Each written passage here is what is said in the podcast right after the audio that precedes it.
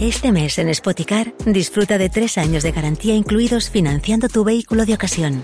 Visita uno de nuestros 200 concesionarios y disfruta de disponibilidad inmediata reservando tu coche en spoticar.es. Financiación ofrecida por Stellantis Financial Services. Consulta condiciones en spoticar.es.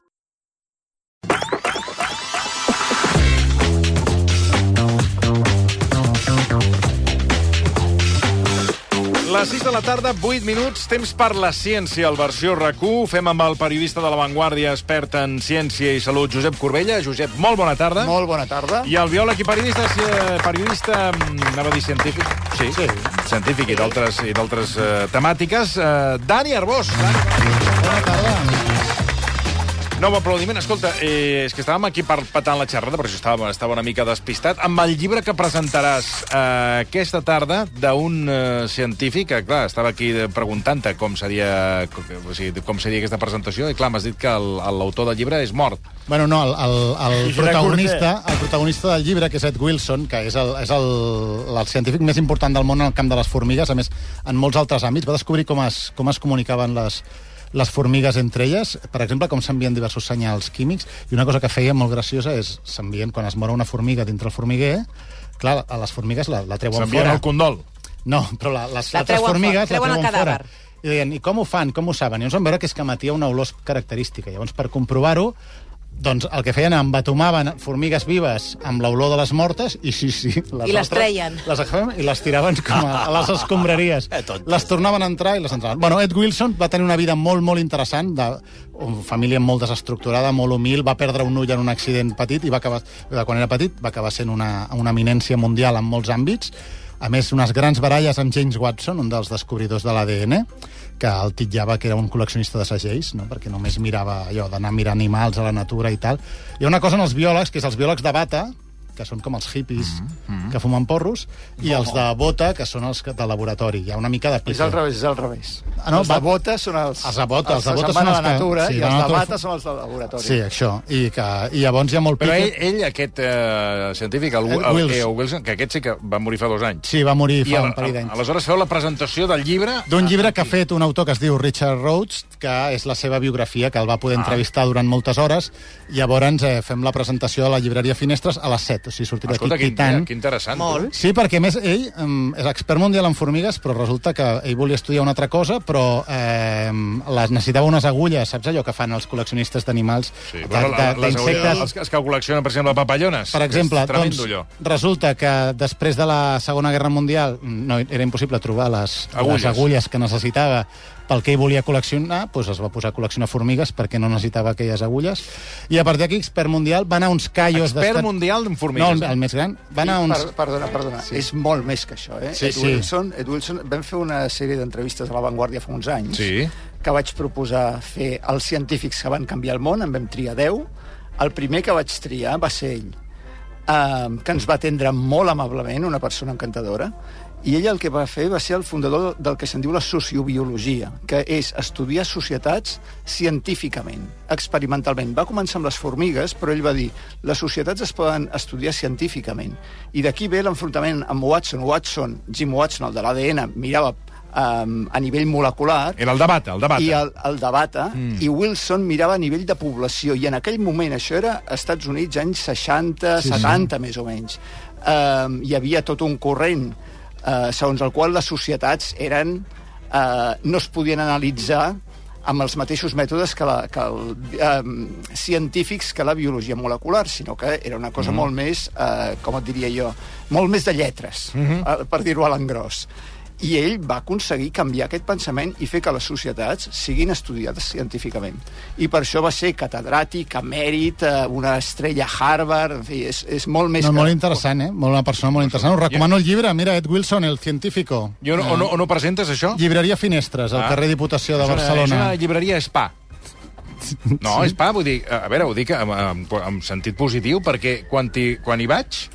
No, no, ara t'ho dic seriosament. Quan hi vaig m'hi trobo Ah, confortable.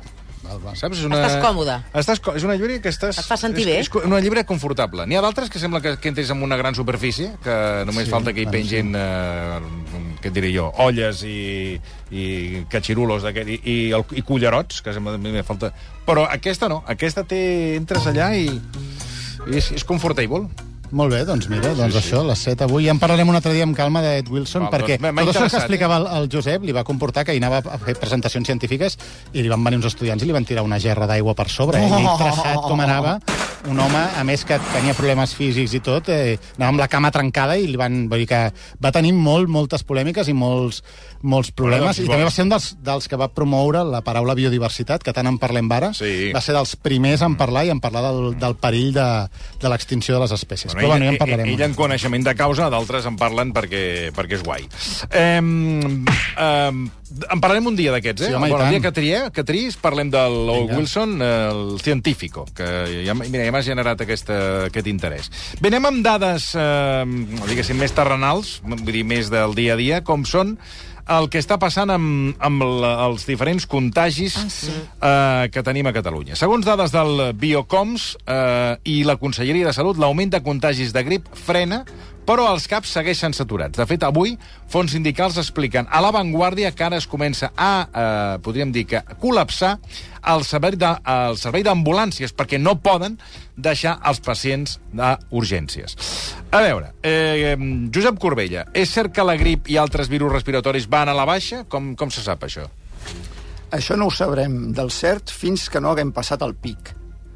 Um, perquè les dades sempre van... Uh, L'anàlisi de les dades te Sí. n'adones amb una mica de retard. El que sí que sabem és que a partir de la, com ha evolucionat, la, ha crescut l'epidèmia des de des de que va començar ja al novembre, que encara no era epidèmia, però van començar a pujar una mica els casos, es van disparar, es van enlairar a meitats de desembre, com que les epidèmies de grip són bastant predictibles, es podia fer una estimació de quan arribaria el pic de contagis. I el pic de contagis havia d'arribar més o menys aquesta setmana, això era un model del Biocomsc, tenia uns certs dies d'un marge d'incertesa, però havia de ser més o menys aquesta setmana.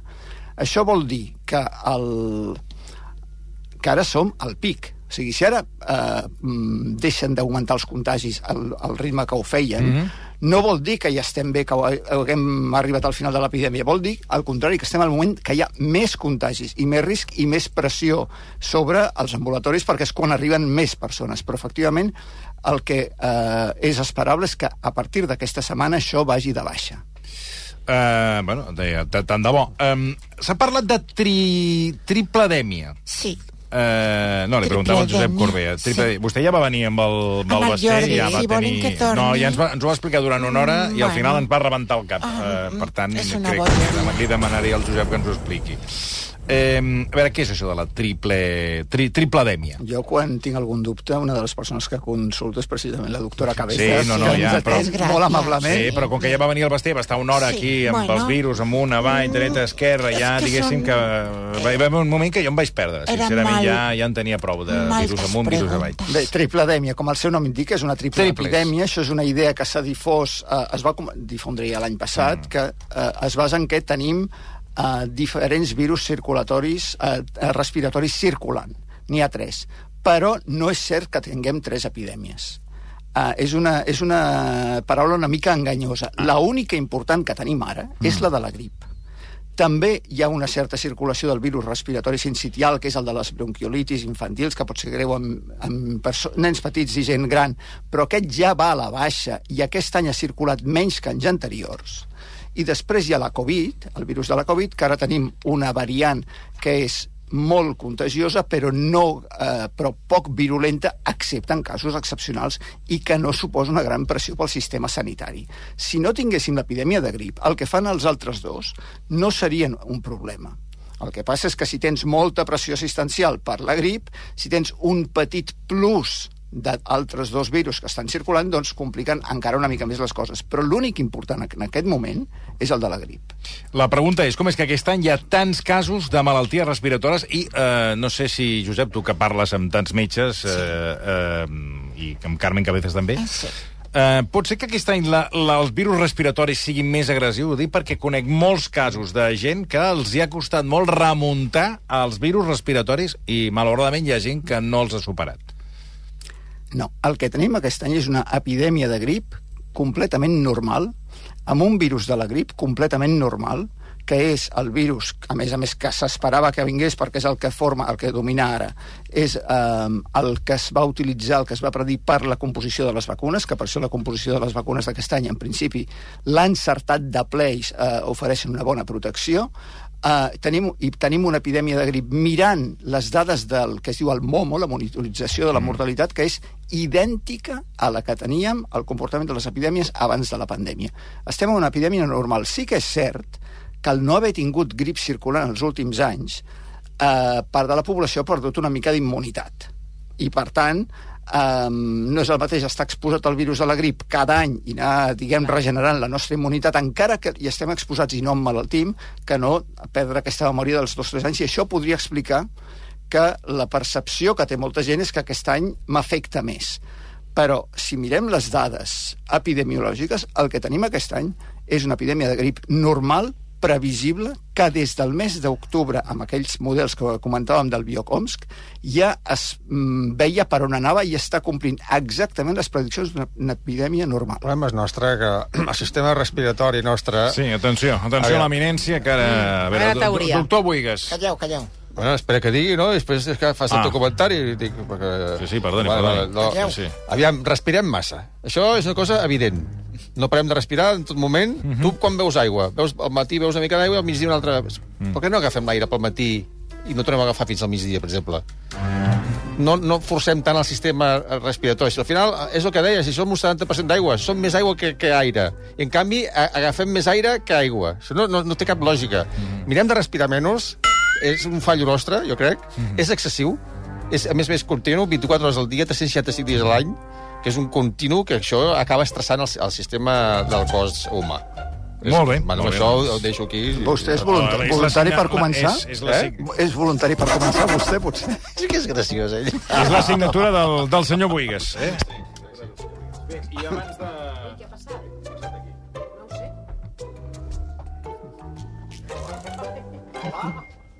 Sort que estem a la secció de ciència. doncs ja us explico jo el que, el que vulgueu saber. Estàvem amb que és una epidèmia de grip absolutament normal, previsible, i el que sobta és que aquesta... Això que era tan Sí, el teu va, el teu... Calla. Ara sí, ah, però no anava, eh? Ara s'ha arreglat. Que heu tocat? Algun botonet. doncs sobta la discrepància entre que tinguem una epidèmia previsible i aquesta Bueno, ja està, ja està, ja imprevisió... està. No, no sé, que de cop i volta ha mort. Només se sentia el micròfon Bueno, del ha deixat de respirar, ho ha provat el tècnic i ha passat això. Sí, sí, ha estat fer el comentari Sí, i, i, sí. i no sé què ha passat. Sí, sí, el que porta el control d'això ha deixat de Sí. respirar. Què dèieu perdent, per, per cert? Que no... Torno a dir el que No, és que clar, és que... No, per no, si algun clar, oient... No és que estaven m'he- quedat sense micròfon, m'he quedat aquí, que no sentia res. És que no sentia res, m'he quedat a les fosques. Digues, perdona. No, estàvem parlant de la grip i deia només que sobta que una epidèmia tan previsible com estem Mm. tenint eh, sobta la discrepància amb la imprevisió, amb la improvisació que sembla haver-hi per part de les autoritats sanitàries, que no estan prenent mesures, estan improvisant mesures quan ja han tingut l'epidèmia a sobre. Ja, però això, eh, Josep, eh, ara sento ah, com si estigués des de l'avantguàrdia al Corbell, a veure si, si sento, no sé, de cop i volta se sent una massa. Massa, no, anava, anava a sí. dir, bueno, és igual. Anava a dir que això és una constant, eh, que eh, to, sempre la ministra, les, les autoritats sempre van tards. Sempre van tard amb Però tot. no, no tindria per què ser així. Bueno, no, no, si estic No. totalment d'acord amb tu, però... Mira, eh, deixa'm que et doni una dada. Uh, amb una epidèmia de grip normal com la d'aquest any, a Catalunya s'esperen unes 800 morts a causa de l'epidèmia. Persones que moren eh, però que si no hi hagués epidèmia no moririen, i són persones, moltes d'elles, febles, grans, eh, de salut fràgil, però no estan en estat crític. Mm -hmm. Són persones que si superen aquesta epidèmia viurien uns anys més. Uh, imagina't per un moment que hi hagués 800 morts en una temporada d'incendis, pels incendis.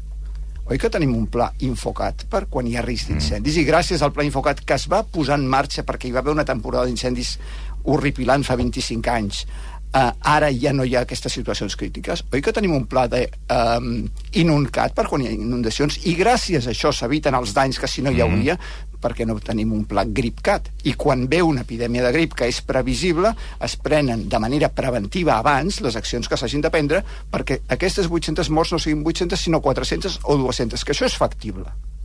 Això és un objectiu que es pot aconseguir, però no ho tenim. Amb la grip sembla que eh, ens resignem a que sigui normal. Acceptem com a normal que hi hagi 800 morts evitables. Cada any. Mm -hmm. Uh, no, no, eh, en aquest, deixo aquí la, la denúncia, Josep, i, i a més eh, dono, dono tota la raó.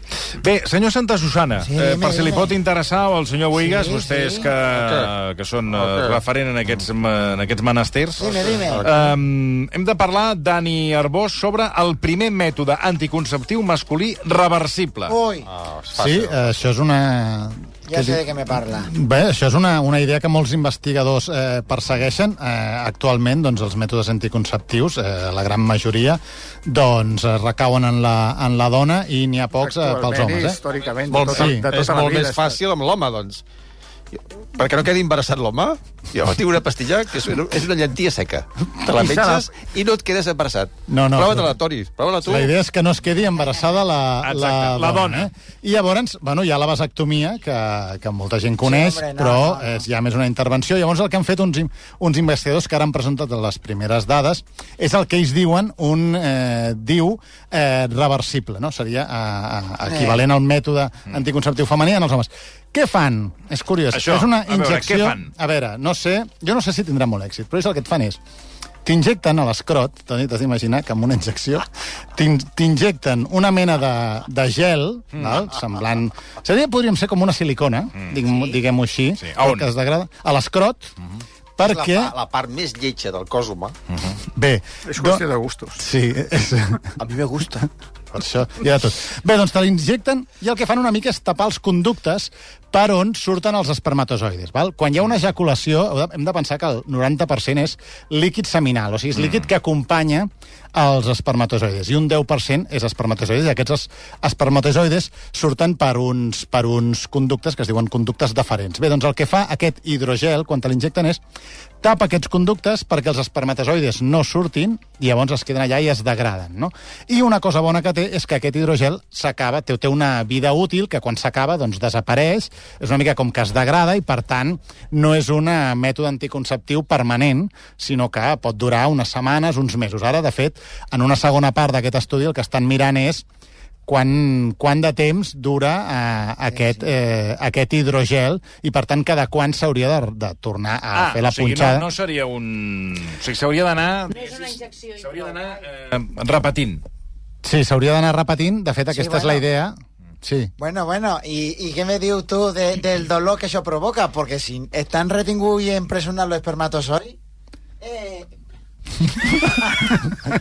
Se ha tancado en el micrófono. Una altra vegada si, si, passat. lo- si los Ara. espermatozoides... Sí, ara Sí. ja, ja el té obert, ja el té Si obert. los espermatozoides están impresionados que no pueden sortir... No. Ara s'ha tancat Sí. como una feria. no, i el Toni també. Toni, tampoc. Ah, només... només... A veure, només puc parlar jo. Hola, Ara. a veure. A veure...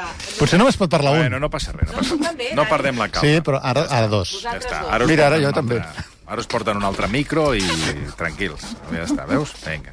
Aquí el, el, No, el meu va- funciona, el, el eh? Lucas va traient micros com braves al bar Tomàs.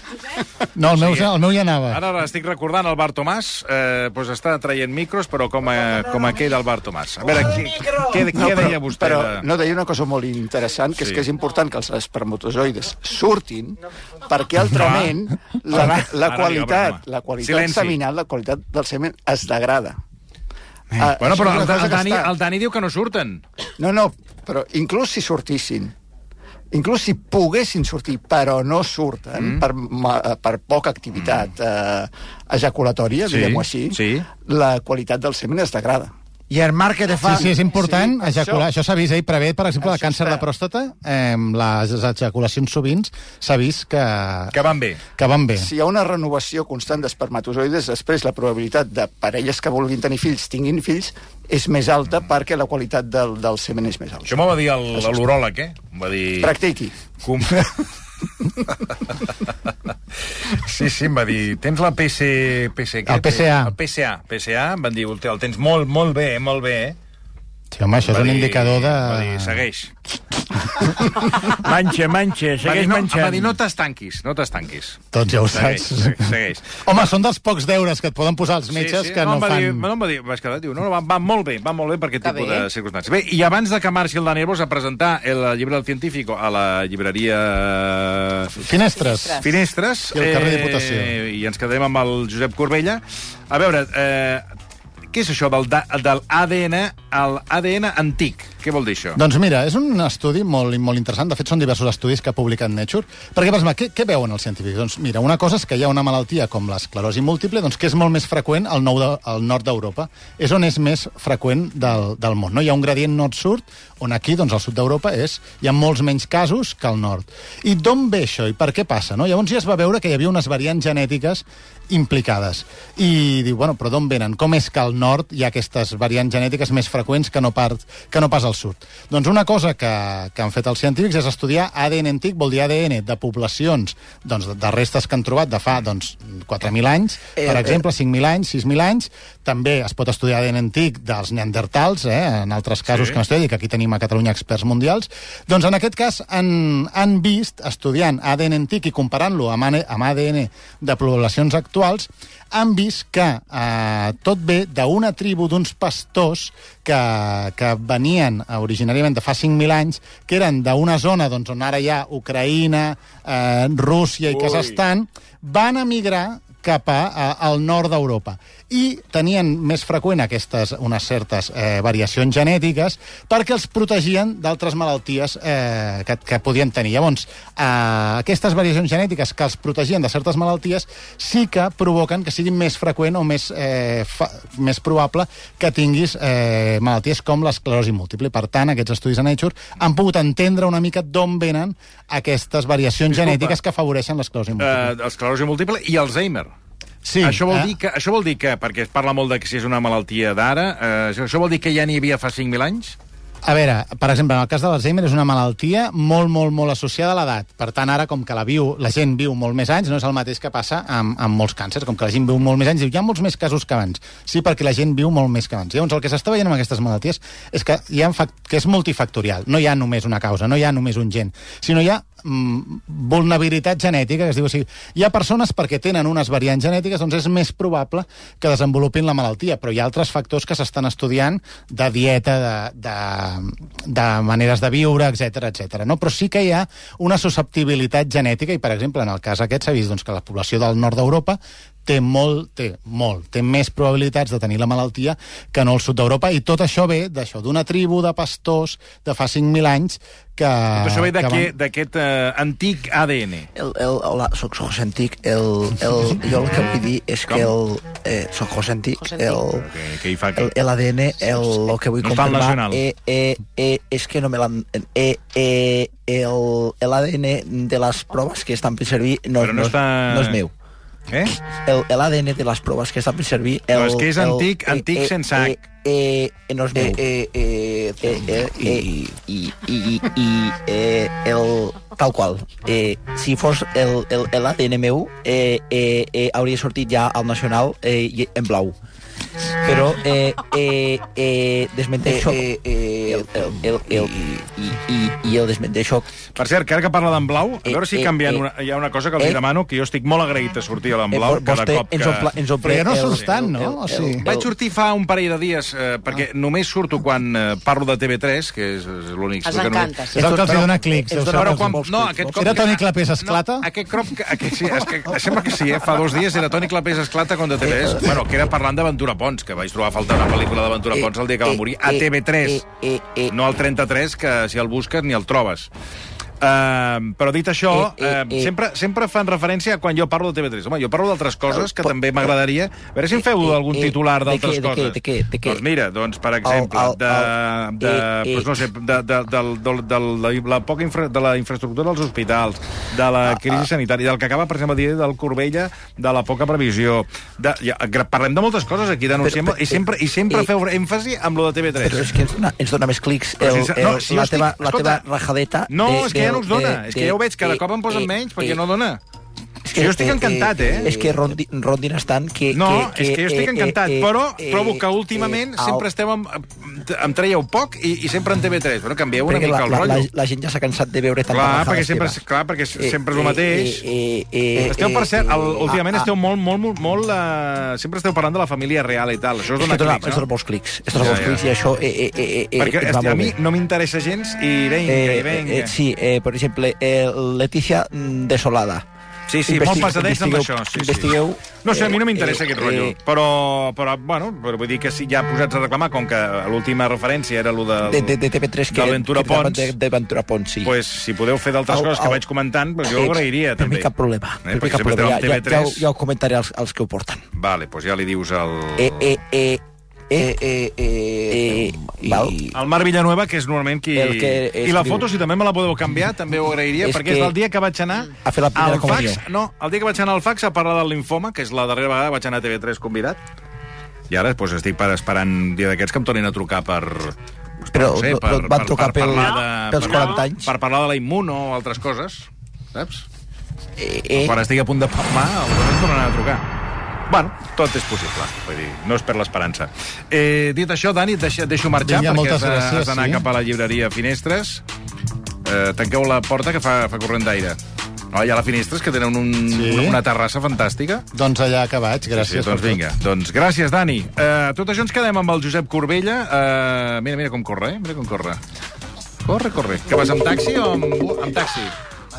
M'han dit que, que vagi amb taxi, que si no, no arribo. Però qui te'l paga? Ells? Ells, ells. Ah, No, no, hòstia, sí que escolta, tenen paga. Hosti, tu, carai, Escolta, escolta. efectivament, el titular, que va ser el principal... ah, ah, no, no el Ah, nacional. ni, ni, ni el deu de- nacional. El deu de, Eh, no, no, no, el no, principal. no. I el titular va Ni ser... el nacional Tal i treuen. com ha dit el Dani, Toni Clapés esclata contra Veus? TV3 Hauríeu de buscar Twitter pel quants Toni Clapés els- de la mort Però clar, el nacional i el principal tenen un problema, eh? És que, Que el nom s'assembla molt. més dur, I eh? la, la franja és groga, els dos. Sí, però, però el, Bueno, el principal és verda. El principal no... Bueno, no. jo la veig groga. Jo La que una mica del Tònic, Eh, sí. eh, No, jo la és, veig. és verda, És verda, aquesta, eh? verda. És verda, Verda festuc. Verda, sí, jo, festuc. el festuc, I l'altre el és groga. Bueno, marxa, marxa, marxa. Adéu, adéu. Eh, eh, jo, jo em quedo o marxo?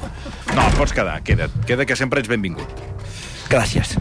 Bueno, eh, anem, anem per una altra qüestió delicada. Avui la tarda, la tarda està sent, està sent maca. Entretinguda. I parlarem de la hidroxicloroquina, un medicament que es va utilitzar en pacients hospitalitzats en els inicis de la pandèmia i eh, que fins i tot es va recomanar per no... Eh, per protegir-se de la Covid, es recomanava, alguns eh, recomanaven hidroxicloroquina.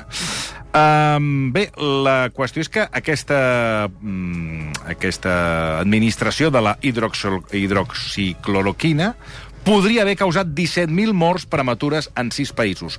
2.000, en, es, eh, en aquest cas, a Espanya. A veure, Josep, d'on surt aquesta xifra? D'on surt aquesta informació? Mira, la xifra és errònia. Ah. Això ja us ho dic d'entrada. Uh, surt d'un estudi que s'acaba de publicar en una revista de segona divisió, anomenada Biomedicine and Pharmacotherapy, i els propis autors de l'estudi, a la seva conclusió, uh, diuen, llegeixo textualment Sí. i tradueixo, tot i que les nostres estimacions estan limitades per la seva imprecisió, o sigui que ja admeten que són imprecises, aquestes descobertes il·lustren el risc d'utilitzar fàrmacs per usos pels quals tenen poca, eh, un nivell baix d'evidència. Mm -hmm. Per tant, l'objectiu de l'estudi no era donar una xifra precisa, sinó alertar sobre l'ús inadequat de fàrmacs en, per, per tractar malalties per les quals no han estat demostrat que siguin eficaços. Uh, si vols et dic com ho han calculat. Sí, sí. Però vaja, el... Bueno, mi- digues, digues, perdona. No, simplement, aquests 1.800 d'Espanya, el 1.800 o 2.000... 1.800... Bé, el, el càlcul és el següent. Ells agafen, busquen estudis on s'hagi que hagin analitzat uh, hidroxicloroquina a diferents països. D'Espanya Sí. en troben 6. Sí. Aleshores, parteixen... Sis- sis, perdona? Sis estudis. Sis estudis. Sis estudis on s'han analitzat mostres de pacients que, tenen hidroxi, eh, que han pres hidroxicloroquina. Aquests sis estudis no són representatius de la població hospitalitzada. Els han, són els que han trobat, simplement. Aleshores, a Espanya, en aquests estudis, el 83% dels pacients van rebre hidroxicloroquina. Ja et dic que no són representatius. en els, est- el- de les pu- De l'estudi. de les, els participants en l'estudi, Sí. 83% a Espanya van Val. rebre hidroxicloroquina. Val. Mm. Llavors ells fan una extrapolació i diuen doncs de tots els pacients hospitalitzats a Espanya, els 83% devien prendre hidroxicloroquina. Aquesta extrapolació eh, és incorrecta. No, no, no, es- no es pot extrapolar d'una mostra no representativa com si fos representativa. Però ells s'utilitzen com a punt de partida. Aleshores, a Espanya, això es basa en la primera onada de la pandèmia el 2020, Sí. primavera 2020. Sí. A Espanya hi, havia, hi va haver hospitalitzades, aquesta dada eh, que ells donen són 19.000... Eh, no, perdona. Eh, No, Espanya, 104 a, a Espanya dos, 104 2000, diuen. no, no, no. Persones hospitalitzades Ah. a Espanya a la primera onada Mm. de la pandèmia. 104.715. Um, si el 83% va rebre hidroxicloroquina, ells calculen Mhm. que 87.437 persones a Espanya devien prendre hidroxicloroquina. Aleshores, agafen un estudi previ que va calcular que els pacients hospitalitzats amb hidroxi, que, tractats amb hidroxicloroquina tenien un 11% més de risc de mort que els no tractats. Llavors, si a Espanya en aquella primera onada hi va haver 19.000 pacients que van morir amb tractament, ells calculen que a Espanya li correspon 1.895 morts a causa de la hidroxicloroquina. Però tot això és molt pel broc gros.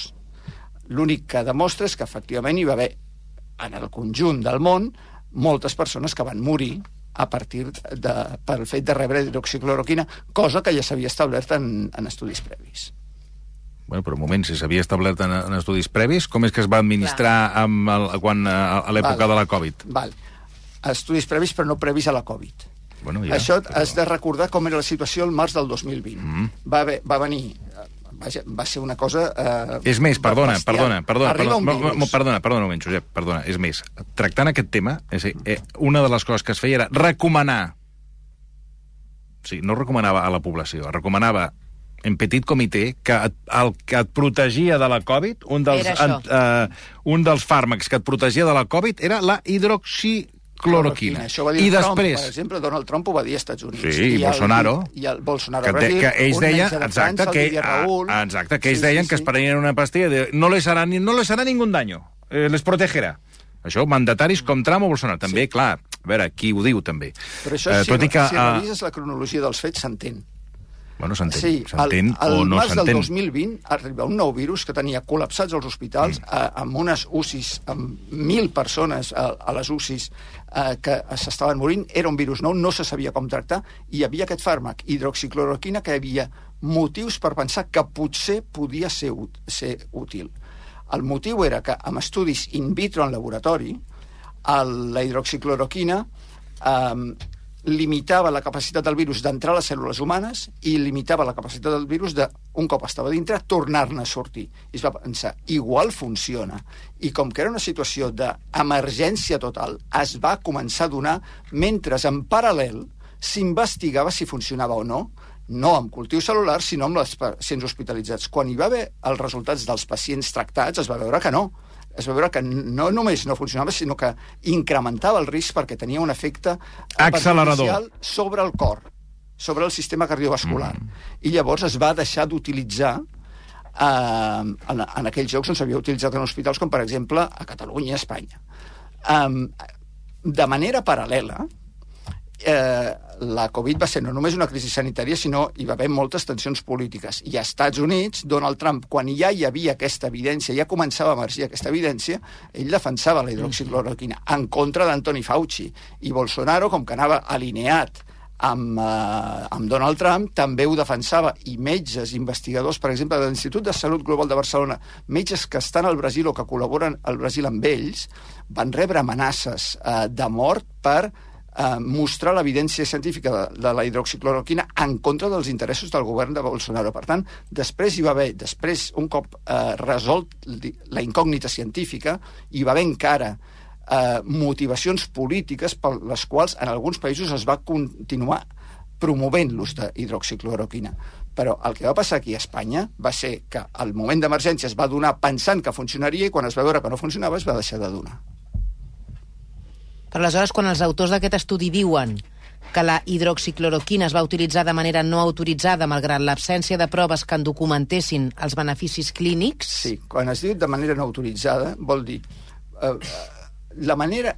Si no estem en emergència sanitària, la manera eh, convencional d'administrar un fàrmac és el fàrmac està aprovat per l'Agència Europea de Medicaments, està autoritzat pel Ministeri de Sanitat i s'utilitza per les indicacions per les quals està autoritzat. Per exemple, els fàrmacs eh, contra l'obesitat com la semaglutida, aquesta de Novo Nordisk, estan autoritzats i comercialitzats a Espanya per la diabetis, però per l'obesitat a Espanya encara no estan comercialitzats, perquè encara no estan a la venda. Eh, sigui, els acaba de autoritzar posteriorment l'Agència Europea de Medicament i, per tant, es podrien donar, però a Espanya encara no han arribat com a per l'obesitat. Aquest és el circuit convencional que tot passa al seu ha de demostrar la seva eficàcia, la seva seguretat en les condicions adequades. Però quan estàs en una emergència com la que teníem al març del 2020, tothom desbordat i una quantitat de morts que no sabies com aturar-ho, llavors es va fer el que es diu un ús, en anglès es diu off-label, és, és a dir, fora d'etiqueta. O sigui, es proven coses esperant que funcionin per... Sense que saber sense si haver faran bé o mal. És que si has d'estar estar tres mesos o sis mesos per demostrar assajos clínics randomitzats, ale- mm. assajos clínics com els que es eh, sol·liciten habitualment, Vol- vols si dir que- o no, tens moltes més morts mentre esperes els resultats. Per tant, està justificat en aquella Vols dir que, és, que, que en aquella emergència vam entrar en, el, en la dinàmica del uh, prova-error. Sí, efectivament. Bé, però és que es van arribar a fer campanyes sobre, sobre aquest medicament. Campanyes, és a dir, bueno, fins i tot eh, es van fer campanyes de recaptació. Sí. Uh, hi va haver... A veure, uh, vols dir aquí a Catalunya? Bueno, sí, sí. Aquí a Catalunya hi va haver uh, l'Institut d'Irsi Caixa, el, a Can Ruti, amb el doctor Mitjà i amb el doctor Clotet, que creien que podia funcionar un intent de, per una banda, començar-ho a utilitzar, pensant que funcionaria, no amb... No, o sigui, o sigui, amb la millor voluntat del món, pensant que funcionaria, i de manera paral·lela, tal com s'havia de fer, d'investigar-ne l'eficàcia. Investigar l'eficàcia requereix doncs, fer un estudi, un estudi requereix uns fons, i per això van buscar finançament, que crec que van fer allò del... Jom Corono. El Jom Corono, exactament. Uh, I d'aquesta manera van aconseguir doncs, unes, uh, rebre un finançament Sí, per un sí. circuit que no és el mateix pel qual rebien finançament altres Mhm. grups de recerca. Uh, bueno, um, és que en la situació que estàvem al 2020 um, potser aquesta actuació era correcta. No, no, si no dic que no sigui correcte. A mi el que em sorprèn ara és que ara coneixem que la hidroxicloroquina, mm, doncs, bueno, al contrari, accelerava la mort dels pacients. Però i això Però no ho es va veia... descobrir després. Es va, No ho veien a l'hospital? És a dir, quan... Perquè tu dius, en aquells moments no hi havia temps de fer un assaig clínic amb les persones, etc etc, perquè hi havia gent que s'estava morint. No veien que els malalts a qui els donaven la hidroxicloroquina no revifaven? No, és que no és tan fàcil de veure. Tu tens un malalt que eh, t'arriba amb situació clínica, amb aquella que estava amb insuficiència respiratòria, que els intubaven, recordes? Sí, sí, sí. sí, Vols dir que era molt difícil de saber? un antiviral, eh, que després va ser el remdesivir, el que hi havia. Sí. Els fàrmacs que poguessin rebaixar la, la inflamació. El, una combinació de coses i tens múltiples variables que estan intervenint intentant fer el millor possible. Si no va bé, per què és? És per... Uh, Clar, no sé, pel, pel temps motiu. que has trigat, pel temps, per com li has posat el... Vols dir que s'aplicava, però no se sabia l'efecte que tenia. Vull dir que esbrinar Que saber les causi això- certesa és molt difícil. I per fer-ho, eh, per esbrinar-ho, per aïllar la variable hidroxicloroquina, has de fer un estudi ben fet. I això Que és el que es va fer. Que, I això requereix el seu temps. Perquè Atenció al això que era diu... un medicament que funcionava amb altres coses, aquest. Sí, és per la malària, originalment. Atenció al que ens diu l'Ester. Diu, a mi em van administrar hidroxicloroquina durant el meu ingrés per Covid-19 en la primera onada. En realitat era un assaig clínic, però ningú no ens va demanar mai el consentiment.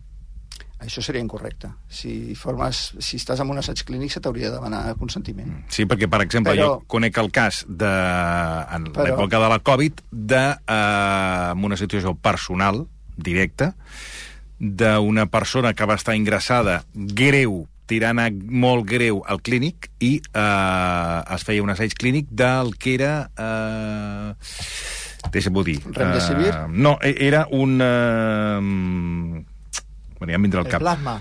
Un, exacte, gràcies, uh, senyor Santa Susana. Uh, plasma es, es feia un assaig Sí. clínic de plasma, i, de plasma del, de la Covid. I se li va demanar a aquesta persona, amb la situació que estava, si volia ser administra, si volia participar en aquest assaig clínic.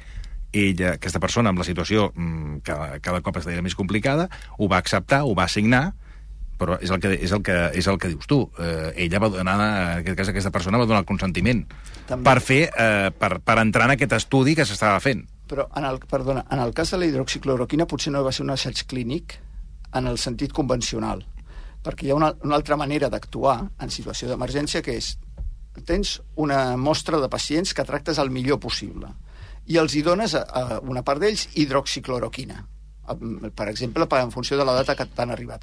I, però no els hi dones per fer un assaig clínic.